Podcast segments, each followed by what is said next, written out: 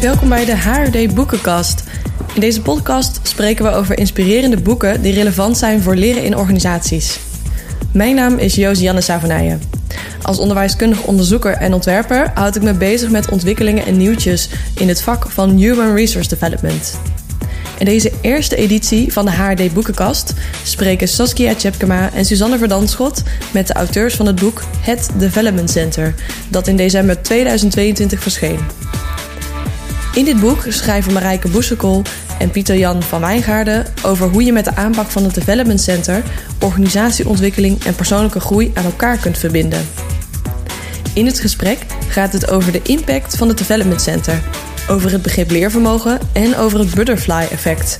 En um, Saskia vraagt ook nog een time-out aan.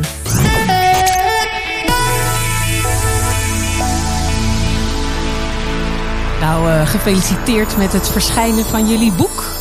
Dankjewel. Het Development Center. Uh, het is er nog wel voor de kerst. Het is er voor de kerst en het ziet fijn. er ontzettend mooi uit. Het ligt hier op tafel. Het is heel uh, rustig van kleur en het is heel handzaam. Ik vond het ontzettend mooi om te lezen en heel boeiend hoe jullie organisatieontwikkeling koppelen aan individuele groei. En um, hoe voelt het voor jullie dat het er is? Nou, echt heel fijn. Bijna een soort opluchting van wauw, het is er. Ja, en ook wel weer spannend dat het er is en Ja. dat mensen het gaan lezen. Gaat de en wereld eh, en, en dat, ja, dat, dat daar een oordeel over gevormd wordt. Dat is ook goed natuurlijk. Maar het is ook weer eh, de start van een gesprek. En eh, ik ben benieuwd waar dat toe leidt. Net zoals vandaag. We hebben, wat, Zo is eh, het, we ja. hebben het gelezen en we vinden het leuk om op een aantal dingen met jullie wat verder in te gaan. Zeker weten. En Misschien meteen maar weer met, die, met de deur in huis vallen, Suzanne. Ja, goed. Want inderdaad, het is ook de ondertitel. Werken aan organisatieontwikkeling door te investeren in persoonlijke groei. Dat schrijven jullie ook in de inleiding. Hè? Het Development Center is echt een instrument als je met je organisatie wilt werken aan een thema als klantgerichter worden of werken aan sociale veiligheid of noem het maar op. Kun je iets zeggen over hoe dat eh, werkt? Stel je voor, ik ben directeur van een organisatie en ik wil werken aan, eh, nou neem dat thema klantgerichter werken maar even. Hoe kan ik een DC daar dan bij inzetten, Pieter Jan?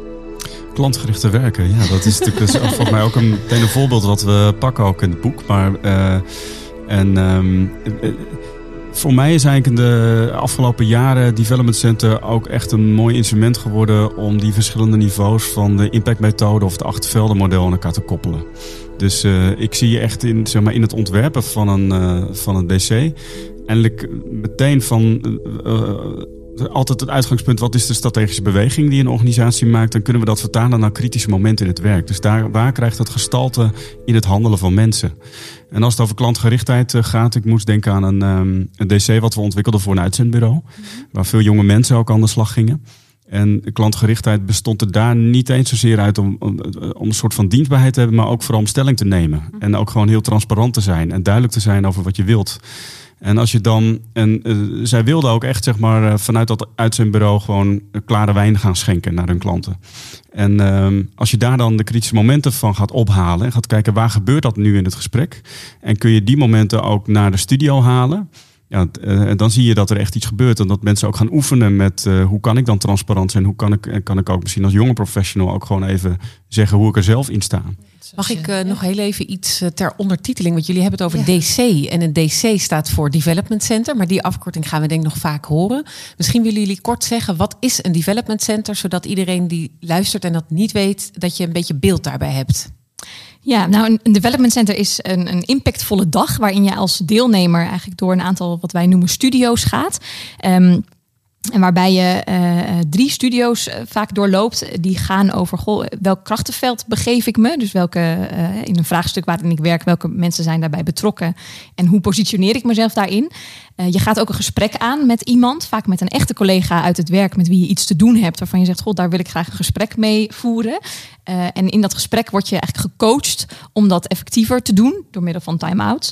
En een studio waarin je reflecteert op je eh, overtuigingen. Die soms in de weg zitten.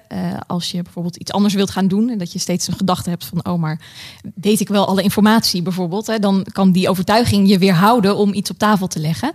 Ehm, en in die studio's word je dus eigenlijk heel erg eh, in kleine eh, in, duo's begeleid door begeleiders. En aan het eind van zo'n dag eh, worden de verschillende beelden, dus de verschillende dingen die er gebeuren in die studio's bij elkaar gebracht. En ontstaat er eigenlijk een plaatje van jou als professional in de context waarin je je begeeft. Um, waarbij we kijken naar goh, welke talenten en kwaliteiten van jou waren nou heel zichtbaar. En waar zit ook potentieel om nog verder te groeien. En je krijgt een aantal handvatten mee om daar handen en voeten aan te geven. Dus op die manier uh, nou, doorloop je eigenlijk een dag en uh, gaat het echt over um, nou, groeien van jou als, uh, als professional in de organisatie waar je je begeeft. Ja, dus dan moet ik me voorstellen dat die organisatie die klantgerichter wil gaan werken, zegt wij gaan een DC, een development center, inlassen. En in één dag gaat iedereen daarin van alles doorlopen en leren in die studio's. En daarna helpt het ons om klantgerichter te kunnen zijn. Ja, iedereen? Of een speciale doelgroep waar je dan uh, naar kijkt? Uh, ja, dus in ons boek beschrijven we ook dat wie je uitnodigt voor de DC eigenlijk heel belangrijk is. En ik zou ook wel willen zeggen dat het ontwerpen van de DC ook al echt een interventie is. Want in het ontwerpen van de DC, en dat, dat doen wij ook vaak met collega's in de organisatie, ga je dus die kritische momenten opsporen. En dat is op zich al een, een ontdekking. Ja. En uh, wat een DC is niet is, is een studio waarin voorafgesproken momenten uh, geformuleerd zijn waar je, waar je als deelnemer doorheen moet. Nee, het is geen dus je, training. Dus nee. je, je neemt altijd je eigen situaties mee. Ook ja. geen assessment center. Nee, maar ik vind dat, zouden jullie kunnen zeggen, hoe verschilt het van een training en hoe verschilt het van een assessment center? Want dat zijn dingen die mensen wel beter beeld bij hebben, ik zelf ook.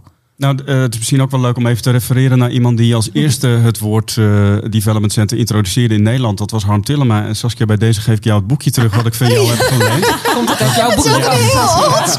Boekje, Suus. Zo maken ze het niet meer. Helemaal, maar je hebt het wel veel gelezen, want het ziet er heel gehavend uit. Ja, het was toen echt een, een baanbrekend boekje. Om, ja. ja, ik herinner me ook nog dat ik uh, daarvan hoorde. Want assessment centers waren wel gewoon. Ja. maar een development center, het idee daarachter als je nou in een assessment center, in plaats van dat je alleen maar iets mag doen, een oefening en dan doe je hem goed of niet, en dan ja. ben je dus geschikt voor die rol.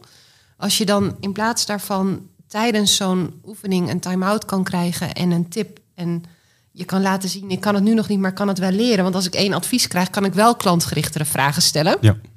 Dat was het idee daarachter, hè, ja? Klopt, ja. Ik denk dat het groot verschil is dat je zeg maar een assessment heb je vaak toch een soort alwetende uh, uh, uh, iemand of idee over hoe je in een bepaalde situatie moet handelen. En een development center, denk ik, staat iedereen in een development center opgesteld om te zoeken naar wat zijn manieren om in de situatie die de deelnemer zelf inbrengt, eigenlijk doorbraken te creëren of mogelijkheden te openen. En uh, daarin vertrekken wij altijd vanuit de gedachte dat er niet één manier is om dat te doen. En dat we ook altijd zoeken naar wat is een manier die bij jou past. Ja. Dus het vertrekken vanuit persoonlijke talenten is daarin ook heel belangrijk. Dus er ligt een, zwa een, uh, een zware nadruk, dat zei jij net ook in Marijke, op dat mensen hun eigen leren ja. ook vormgeven en daar eigenaarschap van nemen. Want hoe zit dat dan? Want je, jij legt het heel mooi uit, Pieter Jan, dat je dan vooraf ga je op zoek in dat uitzendbureau naar wat zijn nou kritische situaties. Hè? Als, uh, nou ja, noem even een functie als teamleider. Hoe kan je dan het verschil maken? En waar bestaat dat klantgerichter werken dan ook uit? Ik hoorde in je voorbeelden, dan wordt het ook meteen een stuk concreter. Hè? Dan gaat ja. het ook over hoe sta je iemand Zie te woord. doen, of wat ja. hoor je iemand zeggen. Ja. En uh, dan liggen die er, dan liggen er een paar van die kritische momenten. Maar stel je nou voor, ik ga dan als teamleider mee, meedoen aan zo'n DC. Hoe, hoe, hoe, neem ik dan zelf daar regie op? Pak ik dan voorbeelden uit mijn eigen ja. werk? Ja. Of hoe? ja, dus je kiest dan eigenlijk, hè, dus, dus dan vertalen we dat naar een, een, een studio, hè, bijvoorbeeld de, de interactie of de gespreksstudio, waarbij je als deelnemer dus zelf kijkt van wat is nou voor mij een ingewikkeld gesprek wat ik voerde met nou, een van mijn collega's bijvoorbeeld. Mm-hmm. En het, het, verschil ook met een training is, hè, dus dan kijk je niet zozeer naar zo zou je het moeten doen, maar je kijkt veel meer naar goh, hoe doe je het al? Mm-hmm. Uh, en wat is daarin heel krachtig? En wat zou je daarin kunnen doen om nog effectiever te zijn? En daarmee vertrek je dus inderdaad vanuit wat iemand al doet. Hè, en dat geeft iemand ook vertrouwen van, goh, ik doe het al, ik ben al klantgerichter aan het werk. En uh, geeft iemand ook handvatten van, oh, en zo zou dat dus er nog meer uit kunnen zien. En mensen komen dan dus zelf met hun eigen ja. ingewikkelde situaties, waarvan ze ja. zeggen, daar voel ik mij gestrest. Daar wil ik een doorbraak die op. Kan ik, daar wil ik ja. een doorbraak op. Een doorbraak in welk opzicht? Ja, dat kan op. Dus bijvoorbeeld als het gaat over bijvoorbeeld positie innemen, kan je echt even ervaren van hoe dat is om dat te doen uh, met een gesprekspartner die je zelf uitnodigt of een gespreksacteur. En dat je opeens en dat ook de anderen in de studio ook even daar iets op teruggeven van hoe zij dat ervaren. Dus je wordt je dan eigenlijk meteen bewust van uh, je eigen manier van, van stelling nemen. En soms is stelling nemen heel krachtig naar voren stappen, soms is stelling nemen ook even stil te laten vallen en dan een ander uitnodigen om een vraag te stellen. Dus daar kun je op heel veel manieren ook uh, zeg maar mee omgaan en ook uh, eigenlijk onderzoeken. Het is echt een laboratorium en daarom noemen we het ook studio. Dat heeft iets creatiefs. In een studio maak je iets met elkaar en daar, daar, daar, daar kun je dan met elkaar naar op zoek. Je moet ook even denken aan een, um, een, een, een een overheidsbedrijf waar we een development center deden, waarin het ook heel erg ging over grensoverschrijdend werken. Uh, of uh, eigenlijk uh, afdelingsoverschrijdend werken. Dus er was echt een, een noodzaak om veel meer te verbinden tussen alle verschillende teams. En dat iemand zei van, nou, ik neem iemand mee, ik ben, ik ben, aan, ik ben een nieuwe visie aan het maken voor mijn afdeling. Ik nodig wat mensen uit in de Krachtenveldstudio. Mm -hmm. Maar die persoon nodigde ook iemand uit waarvan hij ervaarde dat hij heel erg tegenwerkte. En in de krachtenveld uh, werd dat ook duidelijk doordat hij eigenlijk die persoon achter hem opstelde uh, met de rug naar hem toe. En er gebeurde meteen iets. En, uh, want die persoon die was uitgenodigd, die zei goh, ja, dat ontroerde hem ook wel van, maar zo wil ik helemaal niet zijn en zo, zo voel ik ook helemaal niet dat ik ben. Maar die anderen ervaren dat wel zo. Dus daar merk je ook meteen dat het werk wordt binnengehaald. En dat je ook meteen ervaart hoe het is om dan afdelingsoverstijgend te werken. Krachtenveldstudio, ik heb daar beelden bij, want ik heb ze wel eens begeleid. Suzanne, hoe is dat voor jou? Nee, ik, uh, ik heb daar niet direct een beeld bij. Maar wat ik er nu zo uit opmaak, is dat je blijkbaar mensen uitnodigt en ze op een bepaalde manier opstelt en iets doet. Wat aan de ene kant is om te leren, maar aan de andere kant ben je het dan ook al meteen aan het doen? Ja, ik vind de krachtenveld echt een, uh, een methode of een werkvorm die uh, eigenlijk, uh, ik zeg altijd van ja, we gaan er niet over praten, maar we gaan het ja, uitbeelden in de ruimte. Uh, en soms gebruik ik het voorbeeld van, we maken als het ware een soort levensschilderij. Toen zei iemand van, ja, moet ik dan een soort boom worden of zo? Nee, dat hoeft ook niet. maar het, het, is, uh, het lijkt een beetje op familieopstelling, maar het is ook wel weer echt even anders. We vragen mensen om aan de hand van een doel wat ze voor ogen hebben, allerlei betrokkenen, uh, stakeholders, om het zo maar eens even te zeggen, op te stellen in de ruimte. Dus het is eigenlijk een soort stakeholder-analyse, maar niet op papier, maar in een grote ruimte waar je dat met mensen doet. Ja. En als je iemand dichtbij zet, dan betekent dat dat je ervaart dat iemand heel dichtbij je staat. En als je iemand ver weg zet, dan zegt dat ook iets. En de blikrichting zegt ook iets. Soms, soms kijk je naar iemand, soms kijk je niet naar iemand. En het leuke is, door dat te doen, uh, dat is ook echt een gezamenlijke puzzel. Want je merkt ook dat de deelnemers aan dat krachtenveld, die gaan ook dingen merken. Ja, want hoe verliep ja. dat bijvoorbeeld bij die persoon over wie je net vertelde? Die iemand meenam met wie het eigenlijk helemaal niet zo makkelijk liep. En die dan ook met de rug naar hem toe werd opgesteld? Ja, dus ik, ik nodig dan altijd een gast ook uit. Van, goh, we vertrekken echt vanuit de beleving van, van, van deze deelnemer. Hè? Dus, je, dus we zeggen ook wel eens, de gasten in het development center zijn leermateriaal. En, en, en niet meer dan dat, bij wijze van spreken. Maar ondertussen nemen ze ook al wat van mee vaak. Ja. Maar ik nou, zeg dan altijd van, feitelijk zou je er misschien anders over denken. En dat komt straks ook wel aan de orde. Maar we proberen even de men mentale kaart van deze situatie op te stellen in de ruimte vanuit de deelnemer. En dat maakte ook even dat deze persoon ook wel even daarin instapte. Maar nogmaals, toen die daar ging staan, merkte hij even, ja, het is toch helemaal niet leuk. Ik sta een beetje rug naar me toe. En of, uh, zo kan je iets. toch niet samenwerken. Ja, ja. En ik wil dat jij je omdraait, of ik zou zelf willen omdraaien. En daar heb je dan het gesprek over. En eigenlijk, terwijl je dat gesprek voert, zie je ze al naar elkaar toe draaien. Nou, dat, dat wou was... ik zeggen, als, uh, want ik dan even uit mijn rol als interviewer. maar dat herken ik wel als ook als je zo'n krachtenveldstudio begeleidt. Het is ook een soort levend stratego eigenlijk. Hè? Want je kunt mensen ook letterlijk op een andere plek opstellen. Van wat zou er gebeuren als ik naar je toe zou lopen? Of als wij even samen naar dat oh ja, je kijken. En er gebeurt er wat in het hele je speelt ermee. Eigenlijk. Dat is dan en vaak dan, wat je ziet. Ja. Ja. en dan verandert er wat. En dan door... Vaak zeggen mensen ook, dit is inderdaad letterlijk hoe ik het in mijn hoofd heb... of hoe ik het eigenlijk beleef. Ja. Maar ik heb het nog nooit zo um, uitgebeeld, getekend... of in dit geval neergezet. En dan kun je er ook in, uh, in gaan bewegen. Ja. Ik ben wel heel benieuwd hoe je dan... Um, je, hebt, je, je legt uit, hè, gesprekstudio reflectiestudio, krachtenveldstudio. Uh, dus het beeld wordt denk ik steeds duidelijker van wat doe je dan op zo'n dag. En dan werk je ook nog eens rond situaties die echt specifiek zijn uitgezocht. Hè. We willen uh, samenwerken over grenzen van afdelingen heen. Nou, dan is bijvoorbeeld een kritische situatie dat je een gedeelde visie moet ontwikkelen rondom één vraagstuk, maar vanuit verschillende ingangs, invalshoeken.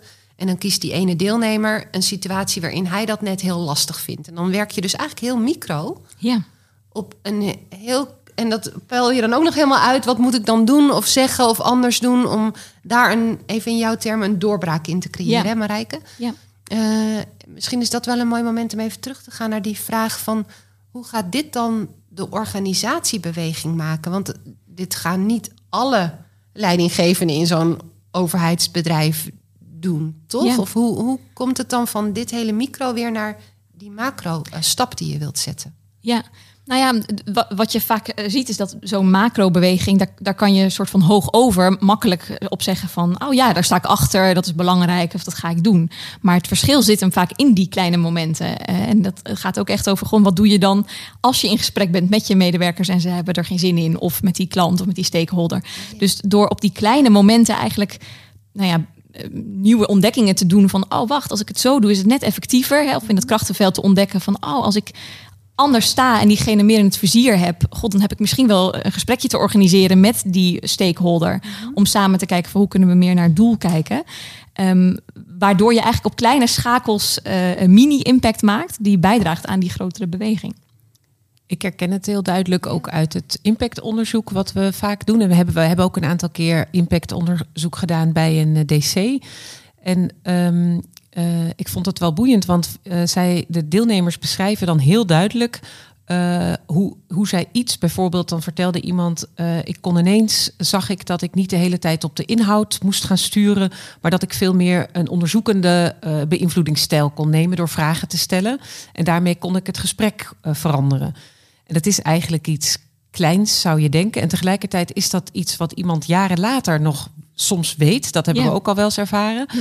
En wat voor hen heel impactvol is, omdat ze het niet alleen op dat moment anders doen, maar eigenlijk ook op andere momenten anders kunnen doen. Het is wel boeiend de gedachte dat door verschillende mensen die dat soort eh, betekenisvolle dingen anders gaan aanpakken, dat je op die manier eigenlijk samen bouwt aan die beweging waar je op uit bent. Ja, ik Doet me, doet me een beetje denken aan dat micro-moves idee. Ja, je een grote beweging maak je met kleine eh, stapjes. Eh, jij doet daar natuurlijk zelf ook, je doet impactonderzoek, Suzanne, maar je doet ook onderzoek naar beweging maken. Ja, absoluut. Nou, een, dat ik, een van de dingen die ik heel sterk herkende, wat ik leuk vond om in het boek te lezen, en wat ik meteen kon relateren aan mijn eigen onderzoek daarnaar. eh, ik ontdekte dat om aan zo'n grote beweging te werken, een van de punten die ertoe doet als je daar regie op wil nemen, is dat, het, ehm, eh, dat je congruent bent. Dus dat je in het klein steeds doet wat je nastreeft in het groot. En dat trof me wel in jullie boek. Beschrijven jullie een organisatie ook als een web van mensen die met elkaar verbonden zijn. En tegelijkertijd, als je zo'n development center organiseert, nodigen je daar mensen bij uit, die weer mensen uitnodigen. En op die manier ook weer samen aan de slag zijn. En dan maak je eigenlijk, zoals ik het begrijp, in zo'n development center in het klein dat wat er in de organisatie normaal in het groot heel snel gaat. Je zet er een beetje een vergrootglas op. Klopt dat? ja, en, en dit, Of dit- is dit ook mijn Ja, manier moet ik lachen, Nee, ja. nee, nee, nee, ik, nou, ik, ik ik, eruit moet, ook even lachen, Ja. omdat eh, deze vraag hadden wij al, eh, of dit, dit eh, jouw inzicht had je al even met, on- met ons gedeeld op de mail. En ik had met Marijke erover. En Marijke die zei van, eh, shit, dit hadden we gewoon mee kunnen nemen in het boek. Ja, ja maar dat het zo kloppend is ja ja, Dus, eh, dus ik denk Ja. dat je het daar wel heel erg raakt. En ehm, eh, dat, ja, ik denk, dus als het gaat over impact, is het denk ik ook goed om steeds weer te vertrekken vanuit het uitgangspunt. En dat is voor ons toch wel dat een organisatie een groep mensen is. En, en dan is de enige manier om impact te maken is als die mensen iets anders gaan doen. En dus dat zit heel erg in handelen. Ja. En daar kan je wel, ja, en dat gaat gewoon eh, persoon voor persoon. Ja, en wel en ook samen. Hè? Dus ik hoor jou zeggen, de imp eh, eh, jij noemt het woord regie, eh, Suzanne. Hè? Van, eh, en dat herken ik heel erg, dat hoort bij micromoves. Je kan wel allemaal een hoop micromoves gaan doen, maar als dat alle kanten op gaat, creëer Ga je, je geen beweging. heen? Dus als je eh, een, ehm, volgens mij hoor ik jullie nu zeggen, de regie op zo'n beweging voer je met een development center door A heel goed aan die voorkant te kijken en echt in gesprek te gaan. Wat bedoelen we nou met klantgerichter of afdelingsoverstijgend werken? Wat, waar gaat dat dan over? Waar moeten we dan iets anders gaan Ja. doen in de praktijk? Voorbij de woorden. Hè? Wat, Ehm, en, aan het, en tijdens het DC door mensen uit te nodigen bij die gesprekstudio's of bij die krachtenveldstudio's die niet deelnemer zijn, maar wel meedoen. Ben je misschien ook wel Ja. niet centraal staan, maar wel meedoen, waardoor je van die mini-netwerkjes krijgt die Suzanne omschreef. Nou, we- ja, dat is natuurlijk echt het leuke aan DC. Is dat we dat. eh, de, toevallig ben ik ehm, nu ook weer bezig met een DC bij een organisatie. En die eh, nou, dat is best wel even spannend hè, om daarin te stappen. Maar je merkt eigenlijk na twee, drie DC's, met alle gasten die er ook worden uitgenodigd, dat er een soort olievlek ontstaat. En dat er ook een soort vibe ontstaat van... hé, hey, het is wel tof wat daar gebeurt. En, ehm, en dan merk je inderdaad dat die mini-netwerkjes uh, ook ja, elkaar weer gaan vinden, zich gaan uitbreiden. En dat je als je dus heel kritisch kijkt ook naar wie nemen deel aan het DC... en wat zijn ook een, misschien een beetje de hub collega's in onze organisatie, als je die weet te betrekken, mm -hmm. ja, dan uh, kan er ook een soort. Uh, Hub-collega's. Ja, de, de, de, ja. met een B, maar ook met een P misschien. Ja. Ja. het leuke is dat gasten zich. Dus, vaak is het ook voor een gast spannend om uh, uitgenodigd te worden. Van waar stap ik dan in? Maar heel vaak zegt een gast na afloop ook van: Jeetje, ik vond het zelf ook heel leerzaam. Of wordt er meteen al in de mini-pauze daarna een afspraak gemaakt van: Goh, laten we hierover doorpraten met elkaar. Want dit gesprek is nog niet ten einde. Dus er ontstaat ook wat daarna. Dus de ontwikkeling zit in de mensen, maar ook in de relaties eigenlijk, in het ja. netwerkje. Ja. Ja. Um, daar gebeurt ook meteen al wat. En in, de, in dat opzicht is het ook een interventie. Ja. Nou, ik denk wel dat we daar steeds uh, ons meer bewust van zijn geworden. En dat dat ook de introductie van de Krachtenveldstudio, dat die daar ook over gaat. Dat we merkten van ja, leren gaat niet alleen over wat zich in jou afspeelt. Mm. Of hoe, hoe, hoe, jij je uit. Maar leren zit ook in het... Uh, in het systeem om je heen, in het krachtenveld om je heen. En dus dat, die krachtenveldstudio is nog niet zo heel oud. Die is uh, pas een paar jaar uh, dat we daarmee werken. En uh, ik denk ook dat we dat steeds meer terugzien in inderdaad de netwerken die betrokken worden bij het maken en deelnemen en uitgenodigd worden als gast bij een DC. En dan hebben we ook nog een andere rol, dat is de rol van de observator. Bij veel DC's loopt zijn er ook observators die meelopen met de duo's. En gewoon echt alleen maar meekijken. Wat overigens ook heel leerzaam is. Dus van kijken kun je ook heel veel leren. En uh, dat zijn vaak mensen met een HR-achtergrond of van een academie. En die uh, zijn ook weer een soort verbinders uh, in wat ze ja. zien aan inspirerend thema's, gedrag en thema's. Ja. ja. Het maakt me wel nieuwsgierig, want um, ik ben dus wel bij DC's betrokken als begeleider. Maar heb eigenlijk nooit dat hele voortraject gedaan. En als we er nu zo hier over praten, ik weet niet hoe dat jou vergaat, Suzanne. Maar dan ben ik ook wel nieuwsgierig. Hoe is dat voor jullie opdrachtgevers? Dus stel je voor, ik ben die directeur van dat uitzendbureau of van dat overheidsbedrijf. En ik wil echt iets, want ik zie dat dat belangrijk is. Uh, vinden mensen dat uh, spannend of dat dan gaat lukken met dat DC? Want je laat ook best wel veel los. Of het ontstaat in het moment, dat is juist de kracht ervan. Uh, nou ja, kun je daar wat over zeggen? Hoe vinden, vinden mensen dat spannend of waar? Nou, dus ik heb tenminste wel het idee dat mensen vaak er geholpen zijn, ook bij die eerste fase van die kritische momenten ophalen, omdat dat ook heel veel concreetheid geeft en woorden geeft aan een soort algemene beelden die er zo ongeveer zijn, ja. maar die dan nooit zo heel concreet gemaakt ja, worden. Ja, dus daar dan echt op door te vragen van oké, okay, en wat zie je dan iemand doen? En wat hoor je iemand dan zeggen? En wat is nou echt een moment waar dat gebeurt of wat daar belangrijk is, dat, dat door daarop bevraagd te worden, jezelf ook tot nieuwe inzichten komt over wat echt belangrijk is of wat die containerbegrippen dan echt. Wat bedoelen tekenen. we nou eigenlijk met die thema's ook, of met die? Eh, soms doen we ook duo-interviews, dus dan is het ook heel leuk of, of zelfs met meerdere mensen, maar de, om van elkaar te horen van, oh, bedoel jij dat daarmee? Ja. Dus er komt ook een soort opheldering onderling met elkaar. En is die kritische situaties, zijn dat die momenten van de waarheid, zoals jullie ze in het boek ook beschrijven? Ja. Ik vond het leuk dat er heel veel uh, voorbeelden ook genoemd werden. ja, dat, dat, ja, je zit bijna bij te lachen. ja.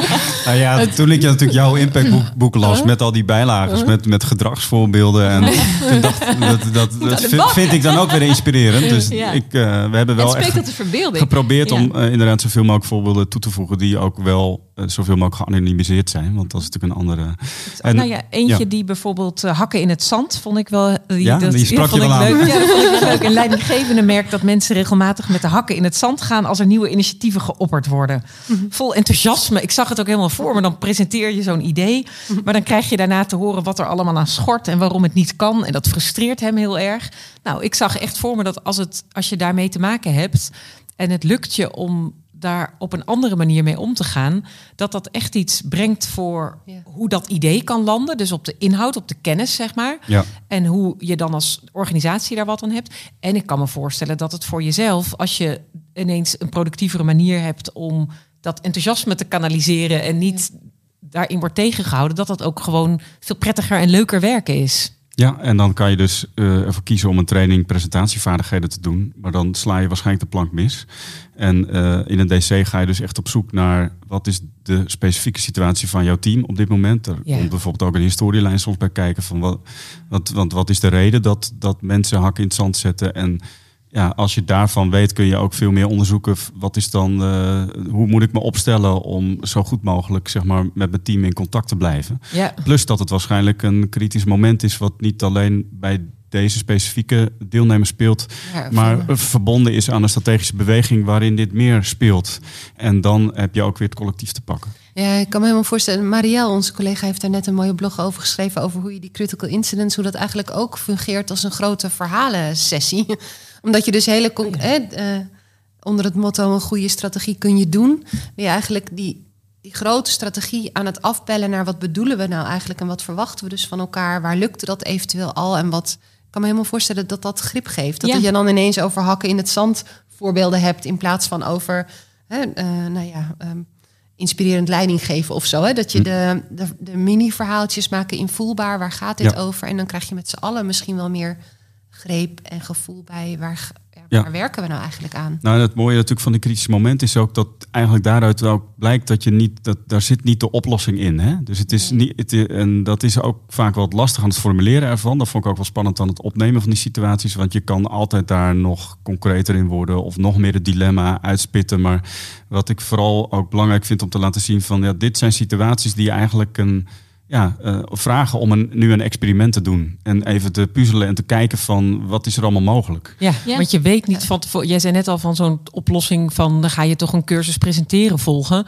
Dat suggereert dat het, dat, dat een bepaalde daarin zit, oplossing ja. is. Ja, nou, en het leuke is dat, dat je zo'n casus, hè, dus als je zegt van oh, hakken in het zand is dan wat ik herken, die kan je dus plotten, zoals jij net zegt, op de krachtenveldstudio. Door te kijken van goh, hè, hoe zit dat in mijn team?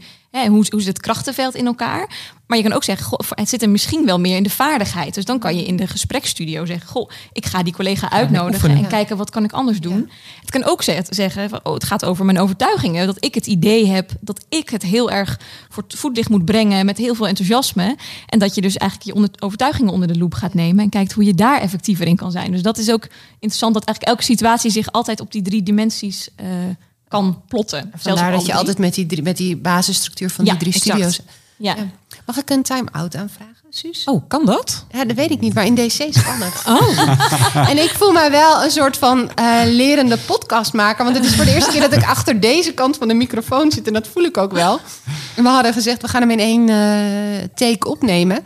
Ehm, maar zullen we tijdens de time-out dan wel de camera laten, of hoe zeg je dat, de bandopname, De bandopname laten laten. Want dan is het er echt een DC wat we hier aan het doen zijn. Observatoren die mee kunnen luisteren. Ja. Dan, dan, dan zou ik vragen, Saskia, hoe vind je dat het gaat? ja, oh, dan je dat. Is dat niet de hang yourself methode? Nee, nee, nee. Oh, gelukkig. Nou, nou, ik, nou eh, want nou zit jij dan even in mijn rol als begeleider van het DC. En ik ben deelnemer. ja. Oké, dit is een critical moment voor mij.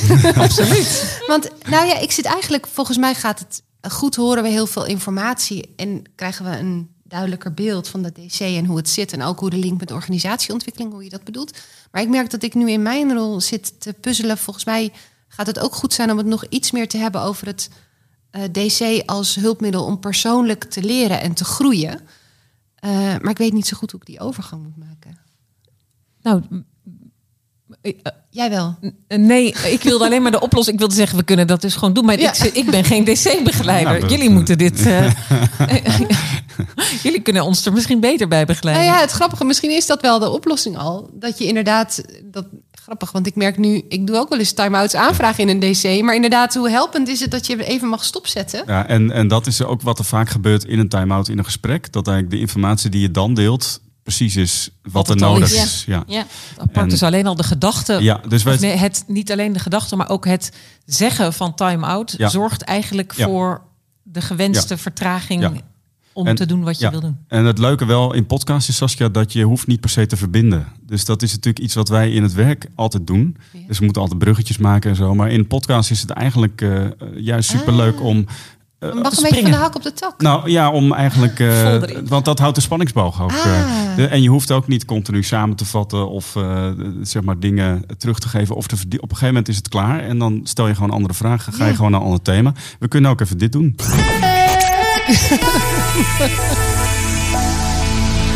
Ik Dat- zou eh, nu dan wel heel graag willen ingaan op het leervermogen. Ja, graag. Wat Ja? een goed idee. Nou, jullie beschrijven heel mooi in het boek, vond ik, dat het eh, bij die vraagstukken waar organisaties voor staan, zoals Eh, we willen, ehm, ik weet niet of deze in het boek voorkomt, maar uh, flexibel maken van ons onderwijs. Of op een andere manier gaan samenwerken met de keten. Dat het uh, eigenlijk belangrijk is, daar is zoveel onbekend. En je het doet eigenlijk een beroep op dat mensen kunnen navigeren in dat niet weten. En um, wat ik wel interessant vond, is dat jullie het begrip leervermogen noemen in het boek. Als een soort kompas voor hoe je in dat gebied van ik weet niet waar het naartoe moet. Ik weet de oplossing niet. Ik weet niet precies wat ik moet doen. Dat leervermogen daar een rol in zou kunnen spelen. En ik zou eigenlijk heel uh, benieuwd zijn om daar nog wat meer over te horen. Mag ik eerst nog even vertellen hoe het erin is gekomen, of niet? Want uh, ja. dit is uh, echt, nou, dit, dit, is denk ik zijn de meeste, hoe zeg je dat, een, natte inkt onderdelen van het boek. Mm -hmm. Want we hadden het boek afgerond en we lieten het onder andere even lezen aan Pepijn. Mm -hmm. En toen stond Pillen, onze precies, collega. En toen stond dit er nog niet in. En dat was echt nou, twee weken of zo voor de deadline. En, en terwijl hij zei van ja, ik vind leervermogen wel een heel belangrijk begrip wat past bij Development Center. Want het gaat eigenlijk niet over dat je bepaalde inhoudelijke standaarden moet bereiken. Maar het gaat veel meer over ja, DC echt als leerinterventie. Van hoe kun je ook meer gebruik maken van je leervermogen en je potentie. En toen hebben we gezocht in de archieven wat er geschreven is over leervermogen. Dat is eigenlijk niet zo heel veel. Maar Mara, Pepijn en Robert hebben daar ooit uh, dingen over bedacht. En uh, dat hebben we nu in het boek eigenlijk ja. verder uh, Ja. En persoonlijk ben ik daar heel blij mee. Ja. maar ook even dus eerder wie eerder toekomt voordat je het wist, waren we het vergeten. En ja. uh, ik ben heel blij dat het erin staat. En ik denk ook dat, uh, ja, dat het mooi is om van daaruit ook eens naar je vraag te kijken, Suus. Jullie zeggen van uh, leervermogen is in staat zijn tot leren en tot het verder ontwikkelen van leermogelijkheden. En jullie zeggen ook dat het uit vier elementen kan bestaan: de ambitie om te leren, het kunnen omgaan met feedback, experimenteren met gedrag en het onderzoeken van je eigen aandeel in iets. Ja. Of je eigen bijdrage. Ja, en die definitie komt van Sanneke Bolhuis. Ja? Uh, en de operationalisering is dan van ons of van, Ma, van Mara Pepijn. Uh, het en... trof me wel omdat die vier zijn eigenlijk heel um, zijn een soort uh, meta dingen of zo van als je ja. dat kan, ja, dan heb je ja. toch wel iets in handen.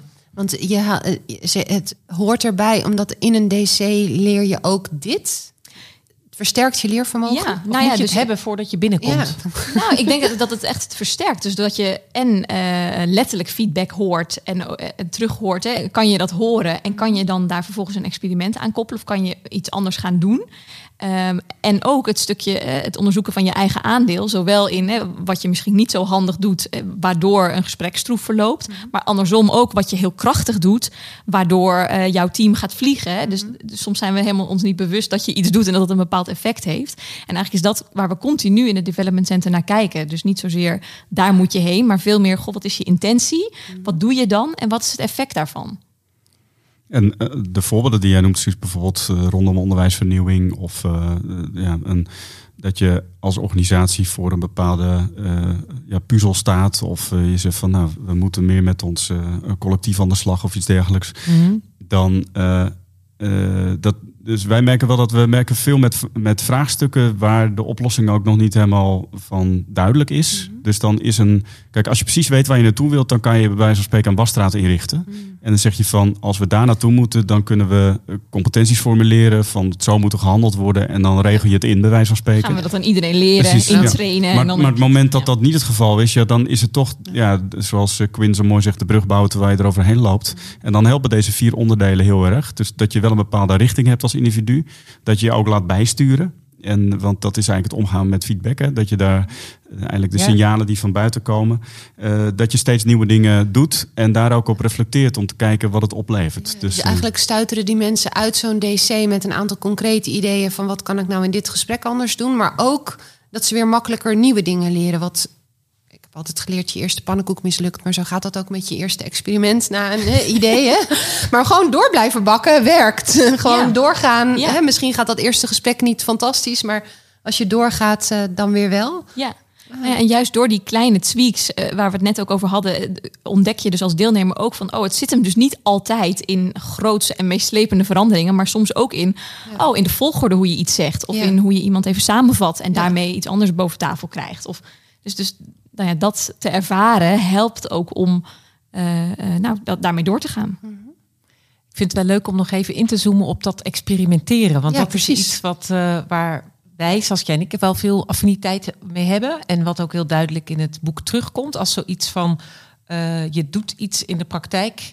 Je gaat niet in je eentje vanuit een boek zitten leren hoe iets moet. Maar je probeert wat uit. En doordat je ziet hoe anderen daarop reageren, kan je daar ook verder mee komen. Hè? En wilde er wat over vragen, maar ik weet eigenlijk niet meer wat mijn vraag was. Nou ja, misschien wel. Hoe, eh, eh, eh, tenminste, mijn vraag hierbij zou zijn. hoe zorg je er nou voor dat mensen dat ook daadwerkelijk gaan doen? Dat ze dus niet weggaan met alleen een goed voornemen en een mooi inzicht, maar dat ze ook eh, nou, dat spannende gesprek ook echt aangaan. Of op een andere manier een vraag gaan stellen of wat dan ook. En dat misschien blijven doen. Ook. En dat misschien blijven doen. Precies, niet doorpakken alleen naar die ene mislukte pannenkoek. Maar Eh, dat maakt het ook belangrijk dat het een, een, eh, een succeservaring is. Maar dus door ook echt te zien, eh, als je iets uitprobeert en wat er dan lukt of wat het effect ervan is. Dat je denkt, hé, hey, wat leuk, ik kan iets tweaken en ik ga ermee door. Dus ik denk dat, dat daar ook wel echt een kracht in het DC zit. Dat we mensen ook op een lichte manier eigenlijk uitnodigen van probeer het maar. Dus Zie het eerste experiment zit eigenlijk al in het DC. Ja, ja, exact. Dus je bent al begonnen. Ga maar eens ergens anders Ja. staan of Ja, in ja, een ja. gespreksstudio. Wij, van, wij, oh, wij, wij suggereren eigenlijk nooit experimenten die niet in het DC zijn gedaan. Dus het is, het is altijd de zin bij, we hebben het je hier al zien doen. En, en we hebben ook gezien dat het deze impact heeft. Wat ik ook mooi vind, eh Margriet nodigt mij daartoe altijd toe aan. Of eh, spoort me, eh, of geeft me soms een schop onder de tafel bij een, bij een ronde tafelbespreking. Van ja, we hebben het nu over een experiment of een ontwikkelpunt. En welk talent gaat hier nou bij helpen? Dat vind ik zo'n mooie vraag. Van, eh, want je kunt altijd, dus als je altijd, je gaat nu dit experiment doen. En welk talent hebben we al eerder ontdekt, wat eigenlijk mogelijk gaat maken dat dit gaat gebeuren? En ik heb dat zelf ook wel ervaren dat als je dat daarmee je talenten ook weer even een ander daglicht kunnen staan. Dus dat een experiment niet altijd hoeft te gaan over iets wat je niet goed nee, kan. dus een experiment is een situatie waar je misschien geen raad mee weet of iets anders wil. Maar wat je inzet zijn talenten die je al bij je precies, hebt. precies, en die precies. je al... Ja, ja. En die dus de begeleiders al gezien hebben Ja, in dat exact. DC. Dus Ja. jij gaat echt die mensen, Ja. als je ze uit dat Ja. zand wil krijgen met die Ja. hakken, Ja. kan je je talent van Nou ja, dus iemand denkt, is. Ja, dus het leuke is, iemand denkt misschien van, oh, Nou. ik moet mijn enthousiasme aanzetten. Ja, ja. En dat is dan iets wat we gezien hebben. Maar je zou kunnen zeggen, in sommige gevallen staat dat soms hè, als een soort volumeknop zo hard aan Ja. dat het enthousiasme niet meer zo effectief is. Ja. Maar misschien kan je ook heel goed luisteren. En hebben we in de studio gezien van, god, doordat jij zo goed luistert, vertel de ander waarom die met de hakken in het zand staat. En kom je op een andere manier dan je dacht Ja. verder. Ik moet ook even denken aan talent contextueel. Dat vind ik een, eh, zelf een mooi woord van wat eh, Buckingham of Tom Rath heeft bedacht. Van dat je ook heel erg bewust bent van de historie, van, van waar je in komt. En dat je daar eh, sensitief eh, voor bent.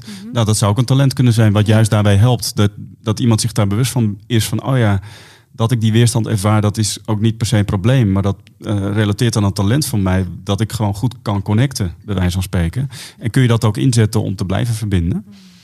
Ehm, er is nog een, wel een ander ding, denk ik, wat belangrijk is in het, eh, in, in het, het creëren van zoveel mogelijk eh, kans om het experiment te doen slagen. En dat is denk ik het duo-maatje. En dat is ook echt het leuke aan het DC, dat je dat samen doorloopt. Ah, en, ja. je, en we zeggen altijd van ja. Dat heeft als reden dat kijken van kijken leer je ook. Hè? Dus je, je, de, de helft van de DC ben je zelf aan de slag en de andere helft kijk je met je collega mee. En zo'n duo-maatje is eigenlijk ook, nou, voor het leven is misschien wat, eh, wat krachtig, maar... voor de eh, beweging in ieder nou, geval. eh, ja. eh, Dus je merkt eigenlijk dat daarmee ook verbindingen worden gemaakt die Ja. gewoon tot na het DC ook blijven. En dat je gewoon heel makkelijk kunt zeggen van, en het ook aan het duo-maatje kunt vragen van, goh, bel af en toe eens eventjes op om te checken hoe het hiermee is. En dan merk ook dat dat daadwerkelijk gebeurt, omdat je zo intensief met elkaar hebt opgetrokken. En dat maakt ook dat je niet in je eentje hoeft te experimenteren, maar dat er altijd ja, iemand naast staat, iemand bij is, vaak ook even op Ontstaat een afstand. soort ondersteuningsnetwerk Ja, ook exact, ja, wat je in ja. stelling brengt voor Ja. jezelf. Leuk. Ik ben ook wel, ehm, ik zou nog, ook nog wel even wat willen vragen over die overtuigingen-studio, of reflectiestudio. Omdat, ehm, nu hebben we het veel over het handelen, het anders handelen. Ik, ik weet ook wel, ook uit eigen ervaring, maar ook van coaching en eigenlijk alle, altijd als je met leren bezig bent. Het is één ding om de nieuwe bekwaamheden te leren of te ontdekken dat je die bekwaamheden eigenlijk al hebt, maar nog niet zo daar hebt ingezet. Eh, eh, vaak is voor echt nieuw gedrag ook wel ander inzicht nodig. En ehm, ik merk ook dat DC's, als mensen een DC hebben gedaan ooit, dat daar vaak dingen van blijven hangen. Soms schrik ik er bijna van. Dan kom ik iemand tegen en die heeft dan tien jaar geleden bij Margriet Schut een DC en reflecties. En die weet dat gewoon nog. Die begint daar dan. oh, Ben jij collega van Margriet? En die vertelt. Dat vind ik altijd best wel indrukwekkend. En dus het is even los van wat we allemaal zeggen, een DC als tool voor organisatieontwikkeling ook wel echt volgens mij heel erg iets waar je als mens een groeistap in kan maken. En ehm, mijn idee is dat die reflectiestudio daar juist een hele belangrijke rol in vervult. Eh, eh, herken je dat, Marijke? Ja, nou helemaal. Dus eh, juist omdat je soms ook even weer iets opnieuw ontdekt. Hè. Soms weet je het ergens al van jezelf. Van oh ja, dat is een thema. Maar dan ontdek je even weer opnieuw van oh ja, en ook in dit werkvraagstuk komt dit thema van mij terug. En juist omdat het in de reflectiestudio is natuurlijk ook een compacte studio. Hè. Je, maar korte tijd eh, een soort pressure cooker waar je... Wat, wat doe je daar dan? Want Ja. die- anderen hebben jullie een beetje. Ja. Maar wat doe je in die? Ga je zitten en nadenken? Of Wat? Ja, nou wat we in de reflectiestudio doen is dat we aan de hand van de logische niveaus van denken, van Deeltz en Bateson, eigenlijk ook weer een eigen casus, een eigen situatie afpellen. Ehm, en in dat model hè, van de logische niveaus van denken eh, doorloop je eigenlijk een aantal stappen, een aantal brillen zou je kunnen zeggen, waarmee je die situatie afpelt. Waarbij je eh, kijkt naar, goh, eh, waar is het eigenlijk, met wie, wat is de omgeving, wat doe ik in die situatie, dus wat is mijn gedrag. Hoe doe ik dat? En dat gaat over het niveau van vermogens. Hè, dus welke kwaliteiten zet ik dan in? Of welke aanvliegroute of strategie? En als je dan nog een paar stapjes omhoog gaat, dan gaat het eigenlijk over de vraag van goh, en wat dacht ik dan in die situatie? Wat moest ik van mezelf? Of wat mocht er echt niet gebeuren? En dat gaat over normen die je voor jezelf hanteert. En ook over waarden. Als je nog een niveau hoog gaat, identiteit. Wat is dan echt voor jou belangrijk? En waartoe of waaraan wil je bijdragen? En door die brillen te kijken, eh, ontdek je eigenlijk van... hé, hey, wat interessant, deze waarde is voor mij zo belangrijk... dat hij dus, eh, als hij onder druk komt te staan... dat hij me stuurt op bepaald gedrag. En daar zie je dus eigenlijk die, nou, die knip wat jij zegt... want je kan dan eindeloos bewijs van trainen op vaardigheden... maar als die omslag in het denken over jezelf... of, of in ieder geval je eigen overtuiging scherp hebben, niet gebeurt... Ja, dan kan je blijven oefenen tot je in ons weegt... want dan komt die verandering niet. Maar stel je ervoor, ik ben eh, als leidinggevende gepokt en gemazeld in... je bent, als je de baas bent, moet je het ook weten. Eh, en ik ontdek in de hakken in het zand gesprekstudio... hey, als ik vragen stel, gebeurt er misschien meer. Ik hoef niet altijd zelf de kar te trekken. Hoe kan zo'n reflectiestudio me dan helpen om zo'n overtuiging of zo'n... om dat ook te gaan durven? Nou, ik moet ook even denken aan een groot familiebedrijf, bijvoorbeeld waar ik een eh, DC heb gedaan, waar zij ook merkten van eh, je, mensen die stromen hierin omdat ze ergens verbonden zijn met het bedrijf, eh, vaak van vader op zoon. en we zijn bijna, we zijn echt, echt wel nieuwsgierig hoe staan mensen er zelf in. Dus het, het, het waardepatroon werd, is, werd zo bij wijze van spreken gekopieerd.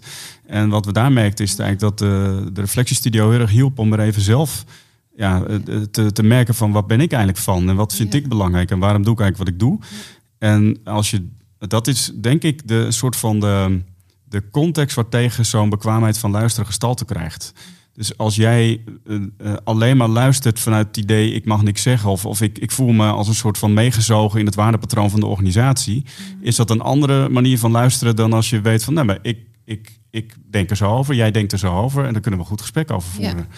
Dus dat, da- daarmee krijgt het eigenlijk een heel andere betekenis, zou je kunnen zeggen. En waar ik ook wel aan moet denken is dat ehm, je hebt natuurlijk dat mooie begrip van statische mindset en growth mindset van Carol Dweck. En dat is ook wel iets wat ik vaak zie gebeuren in de reflectiestudio. Dat, het, dat we eigenlijk ook het, eh, eh, de, de gestolde eh, opvattingen over jezelf en over hoe je zelf leert, dat we die, dat we die een beetje op, Vloeibaar maken. een beetje opkloppen. Ja, een beetje kunnen opkloppen inderdaad. En, en vaak is dat ook toch wel weer een bekrachtiging van iets wat je bijvoorbeeld juist weer eh, in een eh, eerdere functie hebt meegemaakt. En ja, verrek, de- toen zat ik in een bepaalde flow. En, eh, en die, die ben ik nu weer een beetje kwijt. Maar ik merk dat ik gewoon een bepaald beeld Ja. over mezelf heb ontwikkeld. Ja. Wat misschien in de afgelopen jaren wel oké was, maar nu helemaal niet meer past. En ja, om eerlijk te zijn, je, we, op dit moment komen we in zoveel bedrijven waar eigenlijk stilstaan gewoon bijna niet mogelijk is. Dus alleen al drie kwartier Ja. even stilstaan en is even als het ware echt als een helikopter erboven gaan hangen of juist even de, de diepte ingaan. ja, dat levert dan eigenlijk meteen al wel. Je hoeft daar helemaal niet zo heel veel voor te doen om dan dit uh, op tafel te krijgen. Dat je dan eigenlijk weer even bewust wordt van waarom denk ik dat eigenlijk ja. en, dat ik alle antwoorden dat, moet hebben. En dat of, maakt de impact dan meteen ook des te groter. Ik wil weer even naar het boek, want we zijn er bijna doorheen. en uh, aan het eind staat ook een dankwoord. En in het dankwoord uh, schrijven jullie dat het schrijven ook heeft bijgedragen aan jullie persoonlijke ontwikkeling. En ik ben eigenlijk wel heel erg benieuwd waarom dat voor jullie in zit. Wat neem je mee uit het schrijven van het boek? Nou, voor mij is het tweeledig. Aan de ene kant, eh, dat schrijven we ook echt woorden geven aan wat doen we nou eigenlijk. Dus dat, dat is gewoon heel fijn om, om dat wat je doet daar taal uh, voor te vinden. En dat maakt het voor mijn gevoel ook gefundeerder wat we doen. Uh, en ik als begeleider ook heeft me heel veel reflectietijd gegeven. Dus om, doordat je, je hebt dan een dag begeleid en dan ga je weer schrijven. En dan denk je, oké, welke concrete voorbeelden uh, hè, ofwel stutten nu wat ik in de theorie geschreven heb, of andersom. Hè, wat is dit voorbeeld? Waar is dat eigenlijk een voorbeeld van? En nou ja, die reflectietijd. Ik heb met regelmaat studio ja, voor jezelf. Ja, ik heb met regelmaat dat ik dan Pieter Jan appte van, nou, ik had mhm. vandaag zo'n mooie studio. En dan ja, ga je dat even uittypen en anonimiseren. En en dan ontdek je dus weer van, oh, en dit is dus kennelijk ook belangrijk. Dus het, ja, het geeft heel veel reflectie. Uh, ben je ook ergens anders over gaan denken? Ja, ik, uh, dus um, die, de, we, hebben, we formuleren een soort van drie dimensies op leren. En uh, tijdens het schrijven van het boek is dat wel mooi in elkaar gevallen. Dat we eigenlijk een soort visie op leren, dat die eigenlijk wel heel impliciet aanwezig is bij het Development Center. Die gaat dan over die drie perspectieven. Van leren gaat over je eigen reflectie, de, de opvattingen maar het gaat ook over het handelen. Dat vind je dan terug in de interactiestudio. Maar het gaat ook over het krachtenveld waarin je je bevindt. Ja, dat zijn die drie dimensies. Precies, ja. En ik vond het ook wel spannend om dat als onderwijskundige weer dan een soort nieuwe visie op leren te ontwikkelen. Maar ik merkte wel, en ik, ik, dat breng ik nu ook wel veel. Uh, uh, ja, hoe zeg je dat? Uh, gewoon uh, helderder bij opdrachtgevers. Van weet je, als het over leren gaat, heb je eigenlijk bijna altijd met deze drie onderdelen te maken. En dat is heel compact voor mezelf. En dat maakt ook meteen dat ik weer veel congruenter ook naar de DC kijk. En een ander aspect is dat leervermogen. Daar hebben we het al even over gehad. Wat, wat echt, waar we echt even op aangezet zijn om dat goed onder woorden te brengen. Ja. En daar ben ik helemaal met Marijke eens. Dat als je het onder woorden brengt, ja, dan gaat het op, krijgt het opeens op, op een gegeven moment ook weer een andere betekenis. Of het, uh, kan je het ook beter zien? Ja, dat is heel gek, maar zo werkt het wel. En um, uh, ja, dus dat zijn voor mij de twee inhoudelijke opbrengsten in ieder geval. Uh, Leuk ja. om te horen. En jullie schrijven ook over het butterfly-effect in je boek. Hè? Een kleine interventie kan heel veel in beweging zetten zonder dat je altijd precies kan voorspellen hoe. Wat hopen jullie dat dit boek ik, had, ik had voor mezelf al tijdens het schrijven dat ik uh, zeg maar uh, met een aantal uh, ontwerpopdrachten van development centers ook bezig was. En dat ik merkte van hey, ik ben eigenlijk helemaal niet trouw aan mijn eigen principes. Dus, dus het heeft me, heeft me heel erg geholpen om weer even yeah, terug te gaan naar, en echt weer te, te kiezen van. Yeah. oh ja, we moeten echt ook even starten bij de wie-vraag. En goed nog even die kritische momenten in elkaar. Ja dus het gaat jouw eigen aanpak weer scherper maken. Hè? En het boek is ook in de wereld. Je zei dat in het begin van de podcast ook best spannend. Want allerlei mensen gaan het nu lezen. Wat hoop je dat er dan gebeurt met die mensen die dat lezen? En, in het boek schrijf je dat butterfly effect is dat blijkbaar een vlinder die ergens fladdert, een tornado op een andere ja. plek kan veroorzaken. Ja. Ik vond het heel indrukwekkend. maar stel dat dit het vlindertje is en mm -hmm. over een poos is ergens een tornado. Hoe zou die tornado er dan uitzien? Nou ja, dus ik, ik, om even weer dat voorbeeld te maken van die kleine mini-moves of zo, hè, die kleine tweaks die grote veranderingen teweeg brengen. Dus ik hoop dat het daar uh, aan bijdraagt, uh, zowel in het doen van het development center, maar ook in het lezen van het boek, dat je weer herontdekt hoe groot een kleine uh, ja, ja. beweging kan zijn. En dat kan op hele kleine dingen zijn. Maar ik, ik, zie in zoveel studio's terug dat eh, dat, dat soms mensen zo'n gesprek uitlopen met heel veel opluchting, omdat er even opheldering is over de rolverdeling. En dat voelt dan als iets heel kleins. Met heel veel betekenis. Met heel veel betekenis. Nou, dat is dus wel een heel congruent antwoord. Ja, gelukkig. Ja. Heel veel mensen op heel veel plekken hele kleine. Ja. ja. En daarmee eigenlijk ook meer plezier en gemak in het werk hebben. En dat is misschien wel het belangrijkste wat ik hoop. Ja, en je vertrouwt er gewoon rotsvast op dat dat dan weer goede dingen in beweging gaat zetten. En die mensen ook uh, ontspannender en gelukkiger maakt. Ja. Ik heb in de afgelopen maanden, of weken eigenlijk, uh, ook een nieuw experiment gedaan met een DC. We noemen dat een project DC of een DC met een groep mensen. Mm. En uh, dat was uh, bij een ziekenhuis waarin iets speelde wat ook echt een afdelingsoverstijgende vraag was. En deze collega's die zeiden van ja, weet je, je nodigt ons uit om echt met iets uit het werk te komen. En eh, dat is eigenlijk dit. En we, zitten, we zijn daar met z'n achten zijn mee bezig. En, we, en er gaan dingen goed, maar gaan ook dingen niet goed. We willen naar de toekomst kijken. En toen hebben we een DC ingericht, zeg maar, rondom het vraagstuk. En uh, met dus acht deelnemers. En die ook weer hun gasten meenamen. Dus het was Oh, een heel uh, interessant. gezellig gezelschap op een gegeven Waarin moment. het project, het werkvraag centraal stond. Precies, ja. En dat is wel iets waar, waar ik ehm, in de komende tijd eh, meer werk van wil maken. Van kunnen we DC als, als aanpak, als methode gaan inzetten om. ehm, om dus eh, we hebben de goede ervaringen met het nu als onderdeel van een leertraject voor professionals of leidinggevenden. Maar om het veel meer als, eh, als, als, als interventie te hebben waarin je echt een opgave met een aantal mensen centraal stelt. En. ehm, en er vanuit die verschillende perspectieven vanuit de studio's ook naar die opgave kijkt. En ja, die ervaring was eigenlijk zo goed. Dat leefde meteen een aantal. eh, ja, we hebben daar echt gewerkt met elkaar. En, die, eh, en het leuke was, bij de ronde tafelbespreking doen we eigenlijk normaal alleen maar met eh, deelnemers, niet met gasten. Maar iedereen bleef ook gewoon zitten. En, dus wij hadden op een gegeven moment ook niet meer door van wie zijn nou de deelnemers en wie, En wie zijn de zijn de gasten. gasten? Dus het, het blende helemaal in elkaar. Maar het was echt wel een ervaring van. Ja, de- de- als je zo'n dag kunt organiseren rondom een belangrijk project wat je Mhm. hebt. En je kunt op die manier er echt even een versneller van maken.